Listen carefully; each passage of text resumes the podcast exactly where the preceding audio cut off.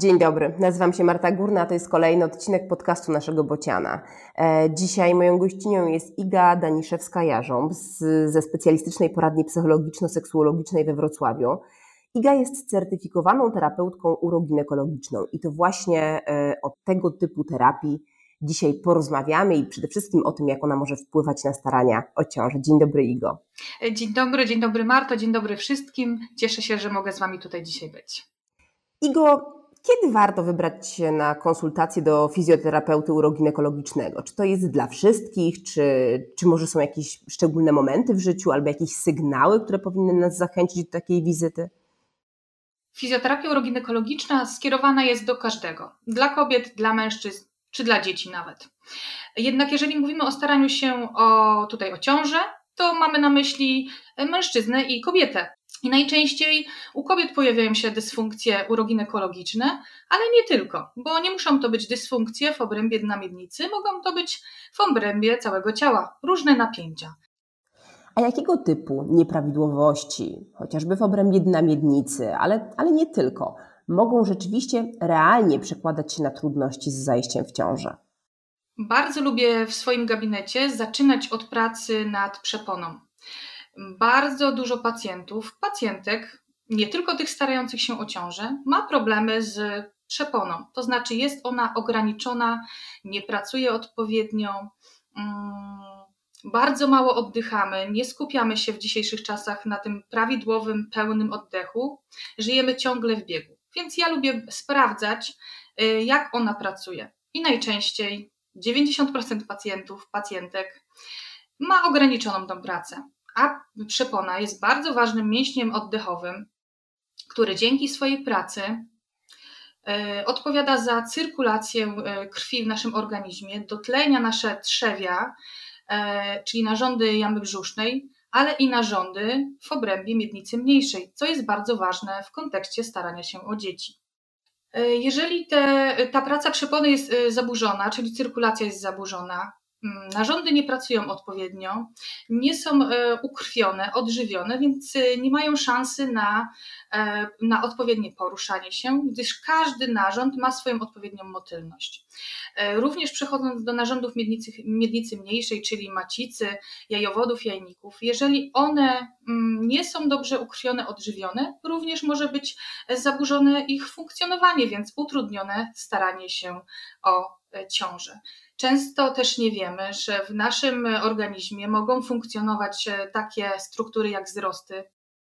Wzrosty, czyli struktury e, łączno-tkankowe, które utrudniają e, tą motylność narządów.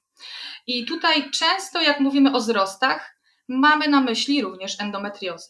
Endometrioza jest też e, chorobą, która ogranicza nam e, pracę narządów i jeżeli e, wzrosty występują, możemy delikatnie mobilizować narządy, więc dodatkowo poprawiać funkcjonowanie tych narządów. Kolejną rzeczą, na którą zwracam uwagę w gabinecie, to funkcjonowanie mięśni dla miednicy. Nawet jeżeli pacjentka nie odczuwa żadnych dolegliwości e, ze strony mięśni na miednicy, to bardzo dobrze by było sprawdzić, jak one funkcjonują. E, w jakim stanie jest ich napięcie mięśniowe, ale czy, e, czy w ogóle pacjentka umie aktywować i rozluźniać te mięśnie na miednicy.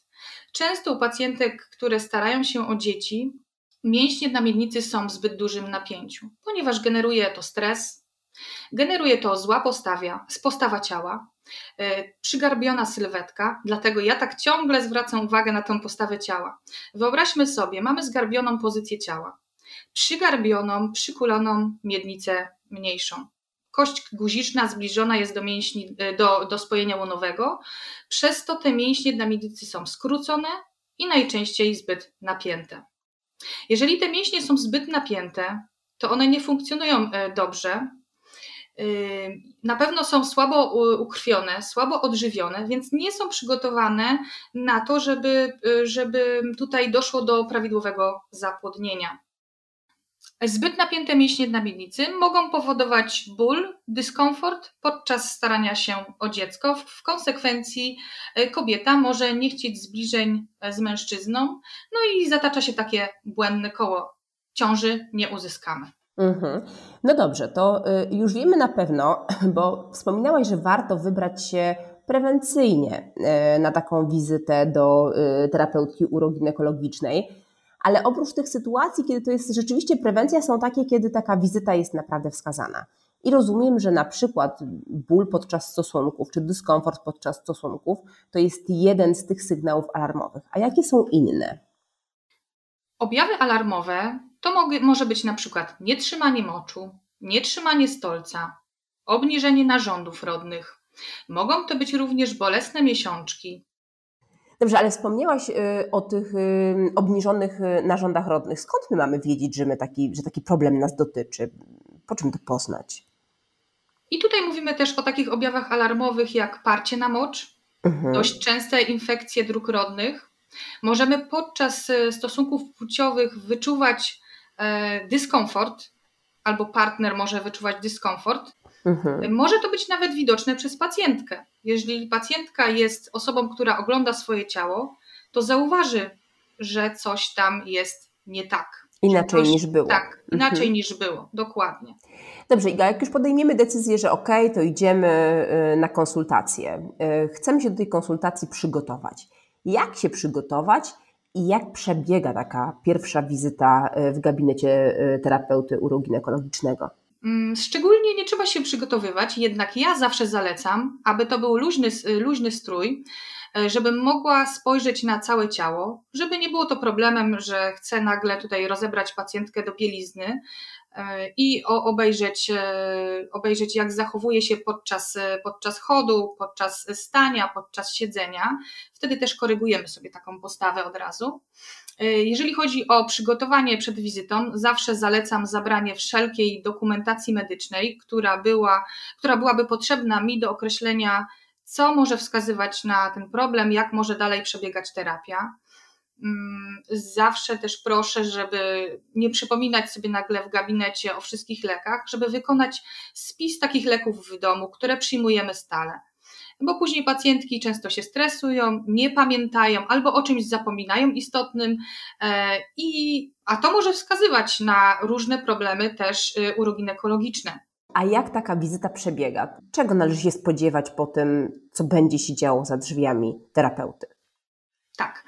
E, pierwszą ważną rzeczą jest wywiad. Mm, wywiady u fizjoterapeuty uroginekologicznego są bardzo długie i, i, muszą takie być, ponieważ my dokładnie chcemy poznać problem, e, chcemy dowiedzieć się, jakie może być źródło tego problemu, więc zadajemy szereg pytań. Są to pytania czasem dość intymne.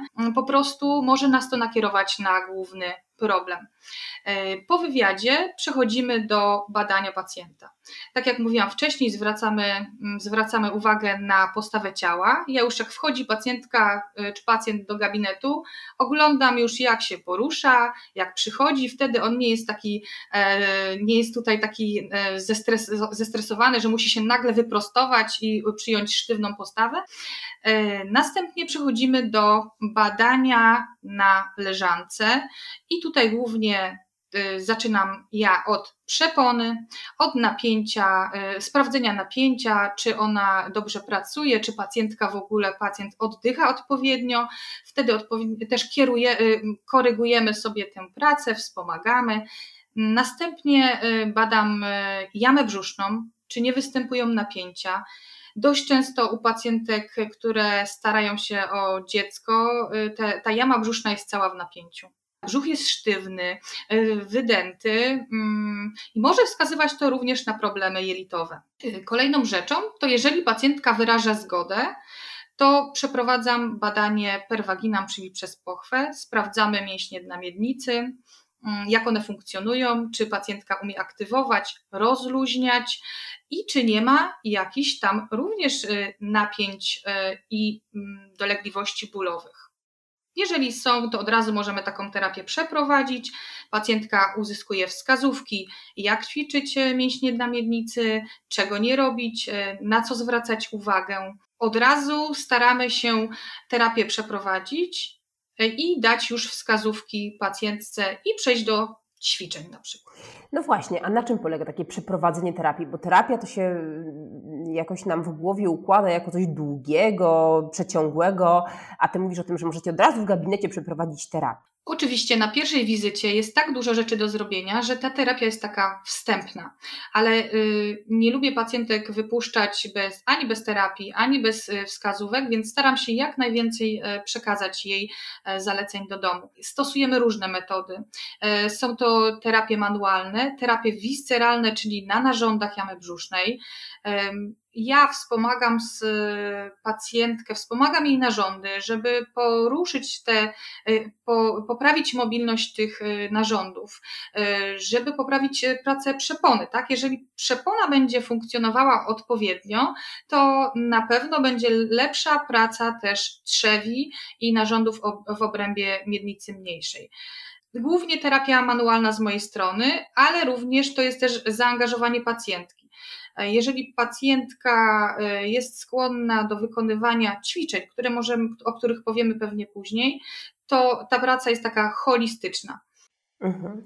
A mówiłaś też o tym, że e, pacjentka wychodzi z zaleceniem wykonywania ćwiczeń. Ja rozumiem, że w gabinecie tych ćwiczeń e, zostanie nauczona, że one zostaną wyjaśnione. Jak te ćwiczenia wyglądają? Co to mogą być za ćwiczenia? Jak często je trzeba powtarzać? Jak długo? Y, jak to wygląda? Mhm. Pierwsze ćwiczenia, to jeszcze tak jak już wspominałam, to są ćwiczenia mięśni znamiennicy. I pacjentka w zależności od tego, jakie ma problemy, albo musi je aktywować, bardziej skupić się na aktywacji, albo bardzo na rozluźnianiu. Y, częstotliwość wykonywania tych ćwiczeń zależy od przeprowadzonego badania przez pochwę to każda pacjentka dostaje instrukcje indywidualnie. Więc nie mogę teraz powiedzieć, że każda mu, musiałaby powtarzać po 10 razy, 3 razy dziennie. To y, dobieramy już indywidualnie takie zalecenia w gabinecie. Następnie przechodzimy do ćwiczeń oddechowych, do pracy nad przeponą, aby polepszyć jej funkcjonowanie. I, I te ćwiczenia oddechowe możemy przeprowadzać w różnych pozycjach ciała. Więc to nie tylko będzie w leżeniu tyłem, ale również i w klęku podpartym i na siedząco, żeby później pacjentka mogła w każdej sytuacji życiowej ćwiczyć, tak? Nie tylko leżąc e, na łóżku, ale i nawet czekając w kolejce e, do kasy, czy, e, czy oglądając telewizję, czy zasypiając. Mm, ćwiczenia następne to mogą być ćwiczenia na przykład na stawy biodrowe. Jeżeli e, pacjentki są często takie usztywnione, mm, niezrelaksowane, dążymy do otwarcia bioder, czyli rozluźnienia tych, e, rozluźnienia struktur, e, które przyczepiają się do stawów biodrowych i do naszej miednicy. Jest to bardzo ważne w kontekście, jeżeli pacjentka ma na przykład zbyt napięte mięśnie na miednicy. Możemy dzięki temu też troszeczkę wspomóc ich pracę, ponieważ one razem w tym kompleksie miedniczym współpracują. Czasem pacjentka ma zalecenia, żeby przeprowadzać sobie tak, takie treningi rozluźniające. E, uczymy rozluźnienia, co bardzo, bardzo jest trudne czasem doprowadzić pacjentkę do pełnego rozluźnienia, żeby rzeczywiście te nasze działanie holistyczne miało sens, to ja zalecam takie działania codziennie. Codziennie, chociaż chwilę. Tak, jedne ćwiczenia rano, jedne ćwiczenia wieczorem, ale żeby to było systematycznie. Jeżeli rzeczywiście pacjentka nie może tego mm, przeprowadzać codziennie, stale, to chociaż w różnych sytuacjach życiowych niech sobie przypomina, tak? Stoję w kolejce, dobra, poćwiczę oddech, mogę aktywować mięśnie dna miednicy. Gdzieś e, nawet y, rozmawiam z rodziną przy stole, mogę poćwiczyć. Tego nikt nie widzi tak naprawdę. To nie są takie ćwiczenia, gdzie trzeba się położyć, e, odejść od rodziny i ćwiczyć. Niekoniecznie. Możemy je wdrażać w codziennym życiu, co jest bardzo wskazane. A co z tymi takimi powtarzanymi już od dawna ćwiczeniami, e, o których słyszymy, że tak na wszelki wypadek, tak jesteśmy w toalecie i oddajemy mocz, to warto go wstrzymywać i puszczać, żeby ćwiczyć mięśnie. Czy to dobry pomysł, czy niedobry? Mhm. I tutaj przechodzimy już do prawidłowych e, nawyków, jeżeli chodzi o mięśnie na miednicy. E, tak, nie lubię bardzo tego, tego sformułowania. Sprawdź sobie fun funkcjonowanie, aktywację mięśni na miednicy podczas oddawania moczu. E, oczywiście, jeżeli pacjentka zrobi to raz, nie będzie to problemem.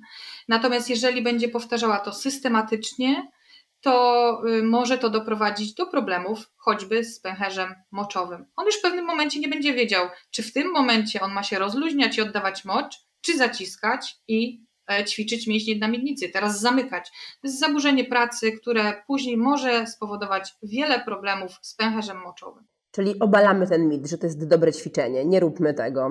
Ale wspomniałaś o tym, że jest cały szereg nawyków takich codziennych, o których powinniśmy pamiętać, dbając o mięśnie e, dna miednicy. Co to są za nawyki? E, tak, e, o mięśnie dna miednicy należy dbać i mówimy tutaj o prawidłowych nawykach, o którym już tutaj możemy wspomnieć, czyli nie zatrzymujemy strumienia moczu aktywując mięśnie miednicy. To jest jeden z takich nawyków. Kolejny, o którym możemy wspomnieć, to już sama nasza toaleta. Czyli jeżeli oddajemy mocz, to nie wypieramy tego moczu na siłę, e, nie, nie popędzamy. Ja wiem, że czasem się spieszymy, ale bardzo źle to działa na nasze mięśnie na miednicy, które mogą w pewnym w konsekwencji e, doprowadzić do tego, że obniżą się nasze narządy rodne. E, pozycja do oddawania moczu mm, powinna wyglądać tak, że jesteśmy wyprostowani, mamy stopy oparte o podłoże, mm, stawy kolanowe, stawy biodrowe pod kątem prostym i powinniśmy w takiej pozycji oddać swobodnie mocz. E, nie wypieramy brzuchem, nie wypieramy tutaj e, naszymi mięśniami na miednicy. Jeżeli chodzi o pozycję do oddawania e, stolca, to mm, dobrze by było przyjąć taką pozycję, żeby kolana były wyżej niż biodra. Co zrobić, żeby uzyskać taki kąt? Należy podłożyć sobie coś pod stopy. Często mamy w domu różne miski, które możemy odwrócić do góry nogami. Często mamy takie stołeczki, które możemy podłożyć pod stopy. Mm, albo jeżeli nie mamy takich sprzętów, to również możemy położyć sobie kilka książek. To też nie będzie błędem. E, wtedy y, kąt łonowo, y, łonowo-odbytniczy jest rozluźniony, możemy wtedy z łatwością oddać ten stolec. I też tutaj, jak wspominałam o moczu, nie wypieramy e, tego stolca, tylko swobodnie czekamy na jego oddanie. Jeżeli jest problem, e, ja zawsze polecam, żeby poddychać sobie chwilę, uruchomić przeponę i z wydechem oddać stolec. E, może za pierwszym razem to nie wyjść dobrze, może pacjentka nie czuć różnicy, ale po kilku razach na pewno będzie, będzie dobrze.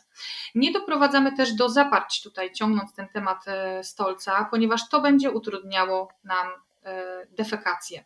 Iga, taka ważna rzecz, o której chyba trzeba powiedzieć, bo e, w większości przypadków związanych z niepłodnością ta terapia uroginekologiczna nie będzie lekiem na całe zło. To nie jest tak, że my możemy nie diagnozować się u ginekologa, położnika, który jest specjalistą od leczenia niepłodności. To nie jest tak, że my nie musimy wysyłać faceta na badania nasienia, bo my się umówiłyśmy do e, terapeutki uroginekologicznej. To jest wspomaganie leczenia, prawda? To jest wspomaganie leczenia, to jest też zrobienie czegoś dla siebie, dla swojego organizmu, mm, ale nie, nie możemy zakładać, że we wszystkich przypadkach e, to będzie cudowny lek, dzięki któremu zajdziemy w ciążę.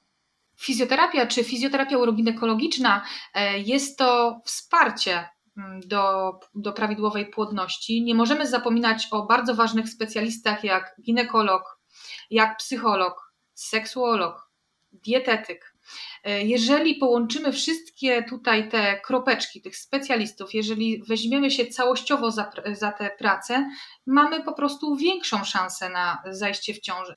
To nie jest tak, że fizjoterapia uroginekologiczna załatwi wszystko. E, musimy zadbać o siebie holistycznie i wtedy mamy zwiększone szanse na zajście w ciążę. Te pary, które leczą się y, z powodu niepłodności, one bardzo często są naprawdę już bardzo nadwyrężone finansowo. Z jakimi kosztami trzeba się liczyć, y, chcąc wybrać się na taką wizytę do y, terapeuty uroginekologicznego? Niestety fizjoterapia uroginekologiczna w Polsce nie jest jeszcze sponsorowana przez Narodowy Fundusz Zdrowia. Koszty takich wizyt to mniej więcej 150 zł do 200 zł, w zależności w jakim miejscu e, jesteście, tak? Czy jest to większe miasto, czy mniejsze. Ceny tak mniej więcej wyglądają.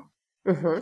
A y, należy założyć, że wystarczy jedna wizyta? Bywa, że wystarczy jedna wizyta? Czy trzeba się liczyć z tym, że tych wizyt będzie, nie wiem, pięć, sześć albo trzy? Jak to zwykle wygląda? Dość często pacjentki są zaskoczone, ponieważ wystarczy czasem jedna wizyta. Kilka wskazówek e, i pacjentka zastosuje e, je w, życiu codziennym i już może to pomóc. Ta terapia nie musi wyglądać e, w ten sposób, że przychodzimy 5-10 razy. To nie jest tak, że musimy przychodzić w jakimś cyklu. Oczywiście, jeżeli jest taka potrzeba, albo pacjentka potrzebuje takiej e, terapii, sama nawet wychodzi z taką inicjatywą, oczywiście możemy spotykać się regularnie, co tydzień, co dwa tygodnie, czy raz w miesiącu, ale że jeżeli nie ma większej potrzeby, jeżeli ja nie widzę też większych problemów, to nie będę naciągać pacjentki na nadmierne koszty, bo wiem, że cała procedura o staranie się o dziecko jest bardzo kosztowna. Czyli są sytuacje, w których wystarczy jedna wizyta, są takie, w których y, po jednej wizycie dostaniemy zalecenia i być może warto je po jakimś czasie skontrolować. Czyli nie musimy od razu zakładać, że to będzie cały cykl wizyt za jakieś straszne pieniądze, które trzeba odłożyć. Tak, dokładnie. dokładnie. E, moim gościem, moją gościnią była Iga Daniszewska-Jarząb ze specjalistycznej poradni psychologiczno-seksuologicznej we Wrocławiu. Iga, bardzo Ci dziękuję za rozmowę. Bardzo Ci dziękuję, Marto, za zaproszenie i dziękuję naszym słuchaczom. Do usłyszenia. Do usłyszenia. Za możliwość nagrania naszych podcastów dziękujemy naszemu partnerowi, firmie Merck.